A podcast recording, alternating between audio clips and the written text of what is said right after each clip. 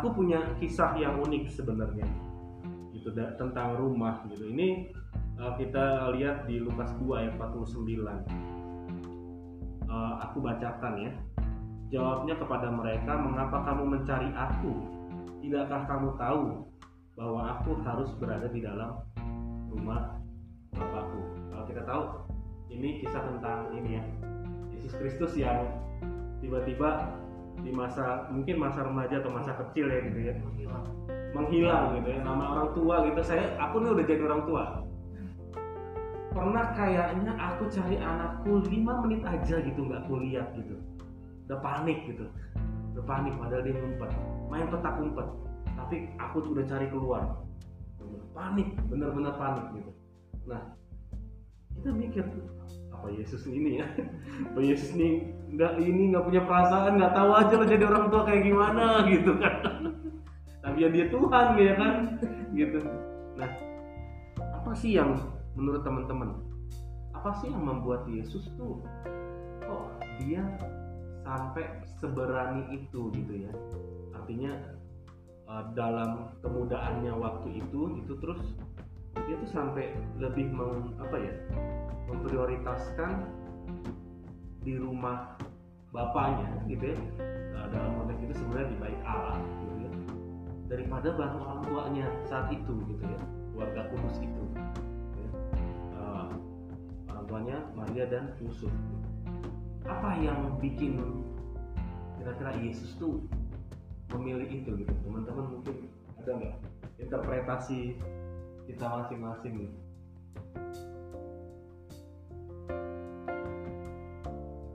Reaksi gimana? Em, Boleh kali cerita kalau lu jadi Yesus tuh gimana gitu? Kenapa ya kira-kira gitu? kalau coba diposisikan kenapa diperlukan ini ngambil pelayanan juga mungkin apa yang Tuhan Yesus alami di situ juga saat itu juga sama kali maksudnya nurutin kata hatinya. Dia tahu apa yang bikin dia nyaman. Jadi ketika dia tahu apa yang bikin dia nyaman dia akan melakukan gitu. sama kayak seperti aku memilih untuk melayani gitu melayani walaupun di UKM Kristen. Ya karena aku senang melakukan hal seperti itu. Karena kalau ketika kita nggak senang aku yakin kita nggak bakal ngambil resiko yang besar untuk melakukan itu seperti itu. Karena jujur pelayanan di kampus punya resiko yang besar gitu. Waktu kita memang berkurang tapi belajar untuk mengurangkan waktu mainnya gitu. Jadi mungkin karena itu hal yang menyenangkan bagiku juga ketika aku memutuskan melayani makanya aku tetap ambil resiko itu. Hmm. Meskipun dalam kata menyenangkan itu tuh nggak melulu karena senang kita ngerjain gitu ya kita ngadepin teman-teman pelayanan yang mungkin nggak nggak apa ya eh, susah di- diajak koordinasi Iya. gitu ya. Terus apa mengalami penolakan gitu ya.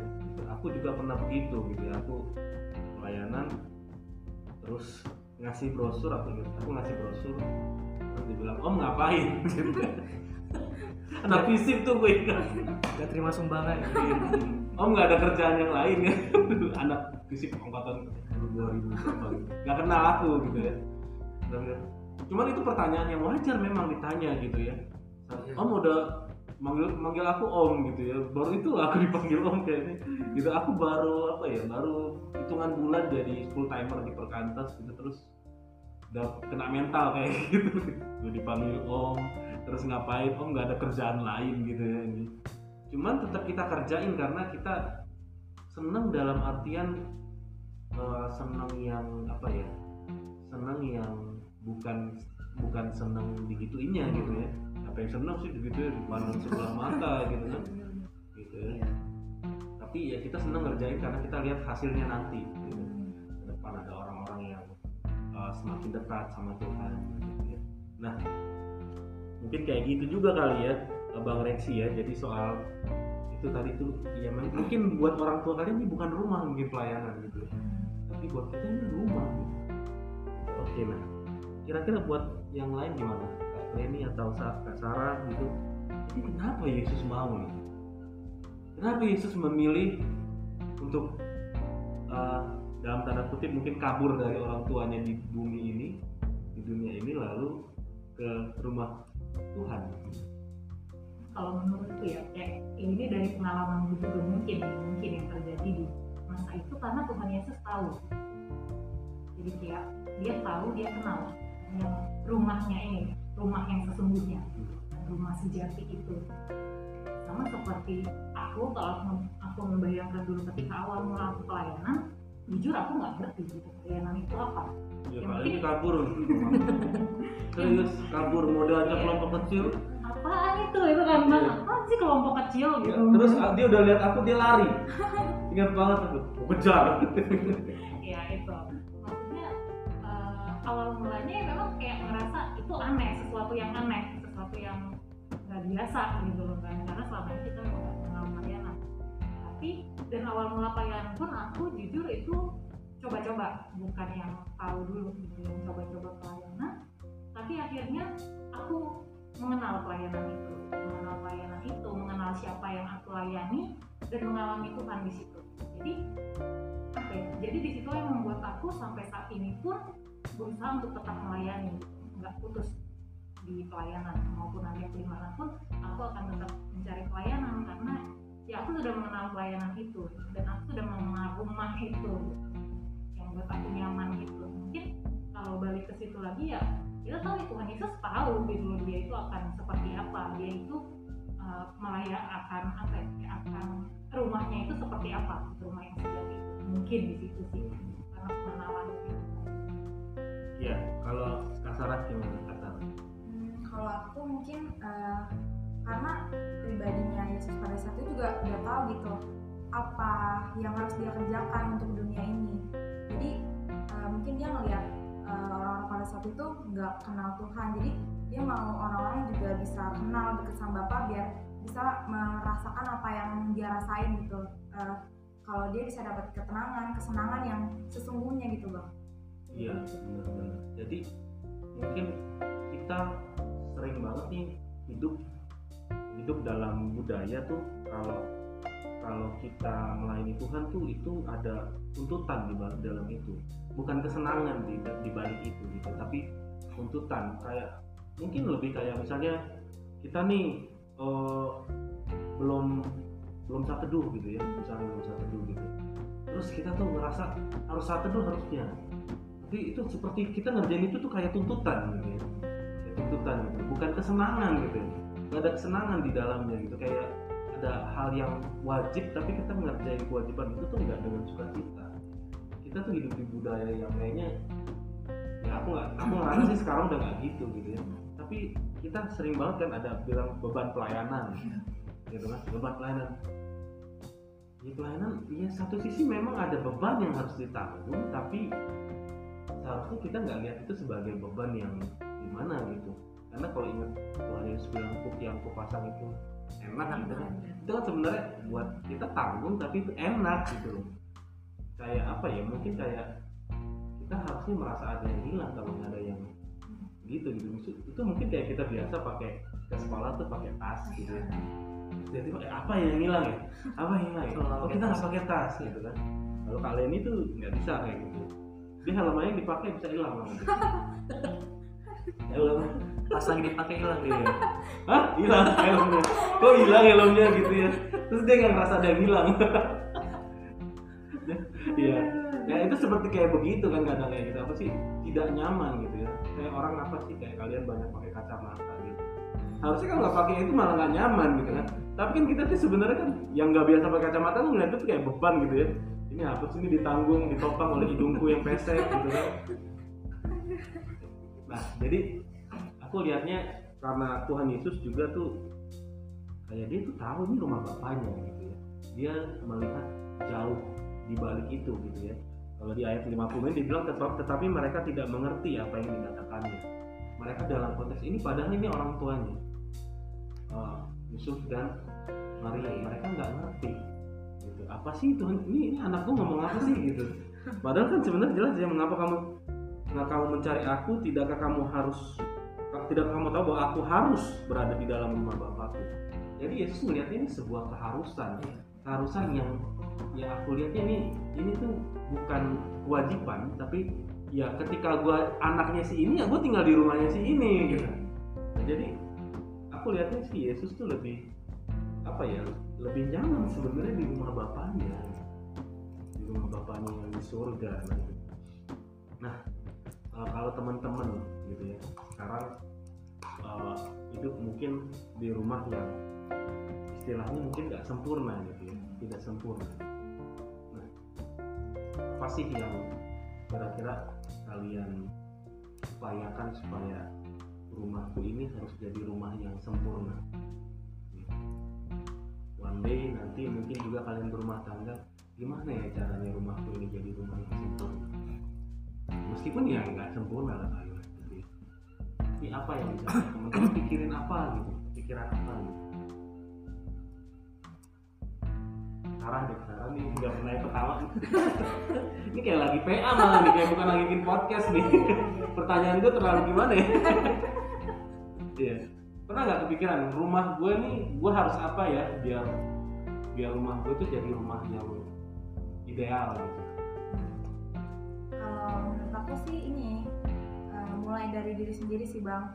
Jadi teladan sih bang kayak gitu. Jadi biar seisi rumah tuh juga bisa eh, sama lah ibaratnya bang sama jadi eh, nggak cuman aku yang merasakan itu jadi semua orang bisa sama kan kalau sama eh, semuanya tuh sama-sama eh, punya cara yang sama kan eh, bikin semua nyaman ya sih bang nggak ada yang salah satu yang mungkin kasar atau kayak gimana gitu sih bang Saling mengerti. Ah.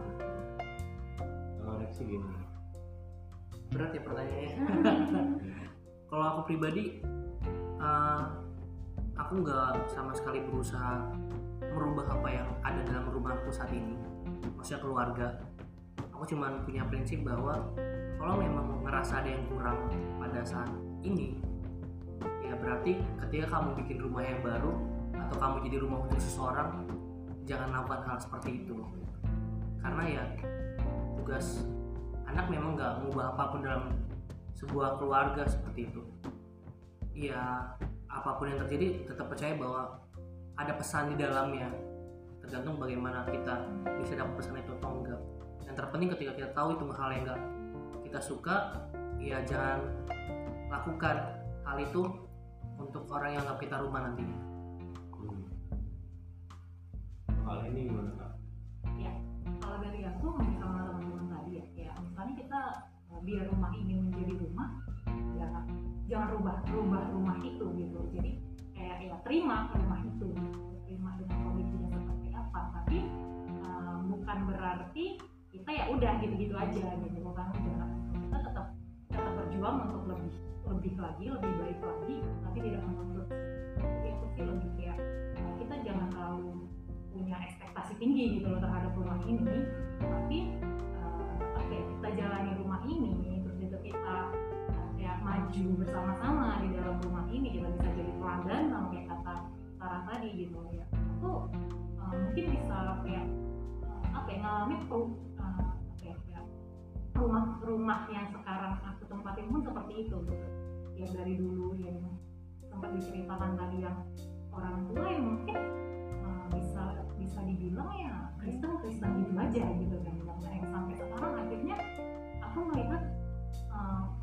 tuh kayak mengenal Kristus gitu kan dan ya aku bersyukur entah kenapa sekarang aku merasa sangat nyaman di rumah karena ya itu tadi karena perubahan-perubahan yang terjadi. Uh, tapi perubahan itu pun bersyukurnya bukan karena paksaan memang dari pribadi orang tua aku sendiri yang akhirnya apa ya, bertumbuh kami sama-sama bertumbuh gitu. Mungkin yang nggak sempurna belum sempurna belum semua gitu tapi uh, ada ada apa ya untuk terus seperti itu. Ya buat rumah tuh emang ini ya, apalagi orang tua ya yang di dalamnya tuh sulit dibentuk dengan kata-kata, maksudnya sulit berubah dengan kata-kata. Kayak apa sih? Misalnya kita pelayanan, terus kita dilarang pelayanan gitu. Tapi emang pas kita pulang mereka nggak lihat perubahan apa-apa dari kita gitu. Si B ini pelayanan apa sih yang berubah dari diri dia gitu kan? Nggak ada gitu kan? Ini masih begini, ini masih begini, disuruh disuruh masih begini gitu. Itu juga mesti begitu kan gitu. Nah, yang aku kalau aku pribadi alami begitu gitu. Sampai kita berubah ya maka tidak ada orang lain yang akan berubah gitu. harus begitu. Ya kita dulu berubah gitu. Kita jadi teladan dulu gitu. kita jadi rumah dulu kalinya gitu. Kita jadi rumah buat mereka yang tadinya kita mungkin judgmental gitu ya melihat yang lain. Ya adik gua begini adik gini kenapa mereka begini gitu terus mama mama kita mungkin gitu. Kalau mama kita cerewet di rumah apa yang kita cerewet ya. Kalau dia nggak cerewet gimana? Kadang kadang juga kan kalau orang tua kita yang cerewet itu pendiam. Wah, lebih mengerikan kan? Mama kenapa? ada apa ini? Gitu. akhirnya kita belajar nerima mama kita yang cerewet mungkin Iya. gitu kan. Tapi mungkin ada hal-hal yang memang seharusnya nggak benar nih kayak begini gitu. Nggak benar nih misalnya orang tua kita berselisih gitu ya. Kita kita ngapain ya? Kita jadi apa ya kita jadi rumah nggak ya buat mereka gitu. Nah yang aku ingat tuh eh, kalau sering kita dibilang apa sih eh, double apa sih bilangnya double keluarga keluarga negaraan gitu ya. Jadi, nah, kita kan lihatnya tapi kalau aku lihatnya ketika eh, kayak di doa Bapa kami datanglah kerajaanmu di bumi seperti di surga maka seharusnya kita jadi kita juga berjuang jadiin rumah kita itu seperti rumah Bapa di surga aku pikir Yesus begitu gitu dengan keberadaannya dia bagaimana menjadikan rumahnya di keluarga itu jadi surga juga. Tapi memang Yesus spesial gitu gimana dia juga mengambil bagian gimana uh, dunia ini tuh benar-benar jadi surga juga seharusnya. Dia memperjuangkan itu. Makanya dia mati di kayu salib berasa gitu. Untuk ya, untuk memperdamaikan kan gitu. Untuk memperdamaikan eh, uh, hubungan rumah tangga yang hancur gitu, antara manusia dengan Allah gitu. Nah jadi itu jadi rumah yang yang indah. Nah aku aku melihatnya kalau kita anak-anak yang sudah ikut Kristus harusnya punya visi yang sama gitu. Jadikan rumah di bumi ini artinya mungkin bisa jadi di mana pun kita berada gitu ya itu seperti surga gitu. Apa? Tuhan kayak bertahta di situ. Ya perjuangan berat sih pasti sih.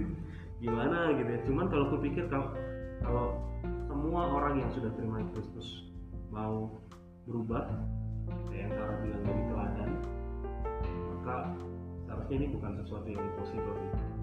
Ini jadi mission possible. Bikin bikin kerajaan atau rumah rumah Allah jadi uh, rumah kita di di bumi ini jadi rumah Allah juga. Terima kasih ya teman-teman untuk uh, untuk sharingnya. Mungkin ada nggak sih uh, satu persatu deh closing statement? Closing statement untuk tentang rumah ini gitu. boleh dari Bang deh. tadi karena sempat ba- banyak dengar apa yang disampaikan Bang Benny kakaknya kali ini kali ini ya. Sama Kak Sarah juga udah dapat sebuah kesimpulan. Ternyata rumah yang benar-benar rumah dan apa maksudnya rumah bangunan sama apa yang kita anggap rumah itu tuh punya kesamaan. Jadi kalau kita mau punya rumah bangunan kita kan butuh harga ya. KPR lah ibaratnya. Harus kredit dulu atau apa kalau yang beruntungnya punya uang cash gitu nggak masalah. Dan ternyata juga berlaku untuk rumah kita sendiri gitu. Kalau kita memang menganggap keluarga kita adalah rumah artinya harus ada harga juga yang kita bayar. Apa harganya? Tadi yang seperti Sarah sampaikan. Jadi teladan ternyata kuncinya. Jadi memang kita nggak bisa request apa yang orang lain akan lakukan sama kita.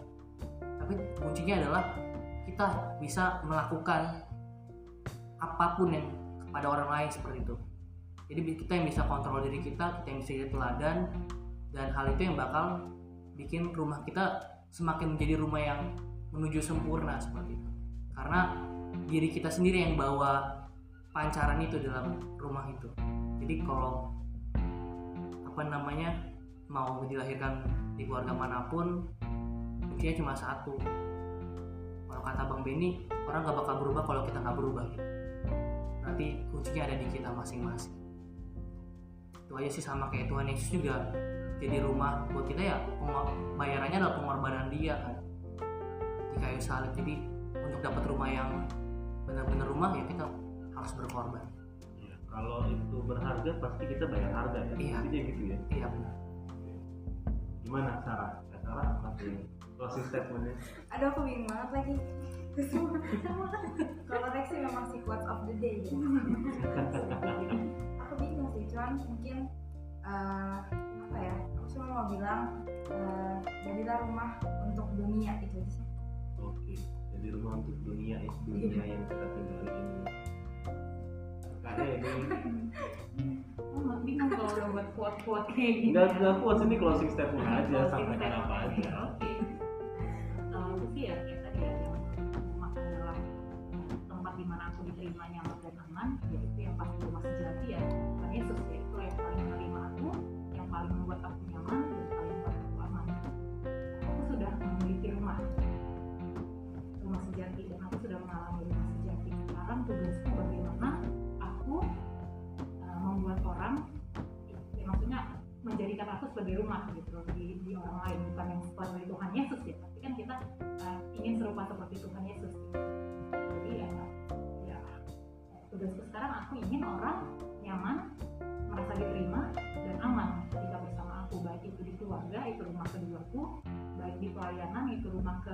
keduaku juga pelayanan KTB dan segala macam ya aku harap uh, inilah rumahku yang ya yang nantinya ya kami sama-sama seperti yang kata Bang Bini tadi yang benar-benar menjadi rumah Allah.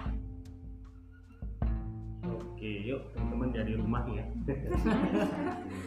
Terima kasih teman-teman untuk partisipasinya hari ini Bang Reksi, Kak Sarah dan juga Kak Leni. Eh, semoga eh, dengan apa yang kita sampaikan eh, kita tuh berjuang juga gitu ya jadi rumah yang baik gitu ya.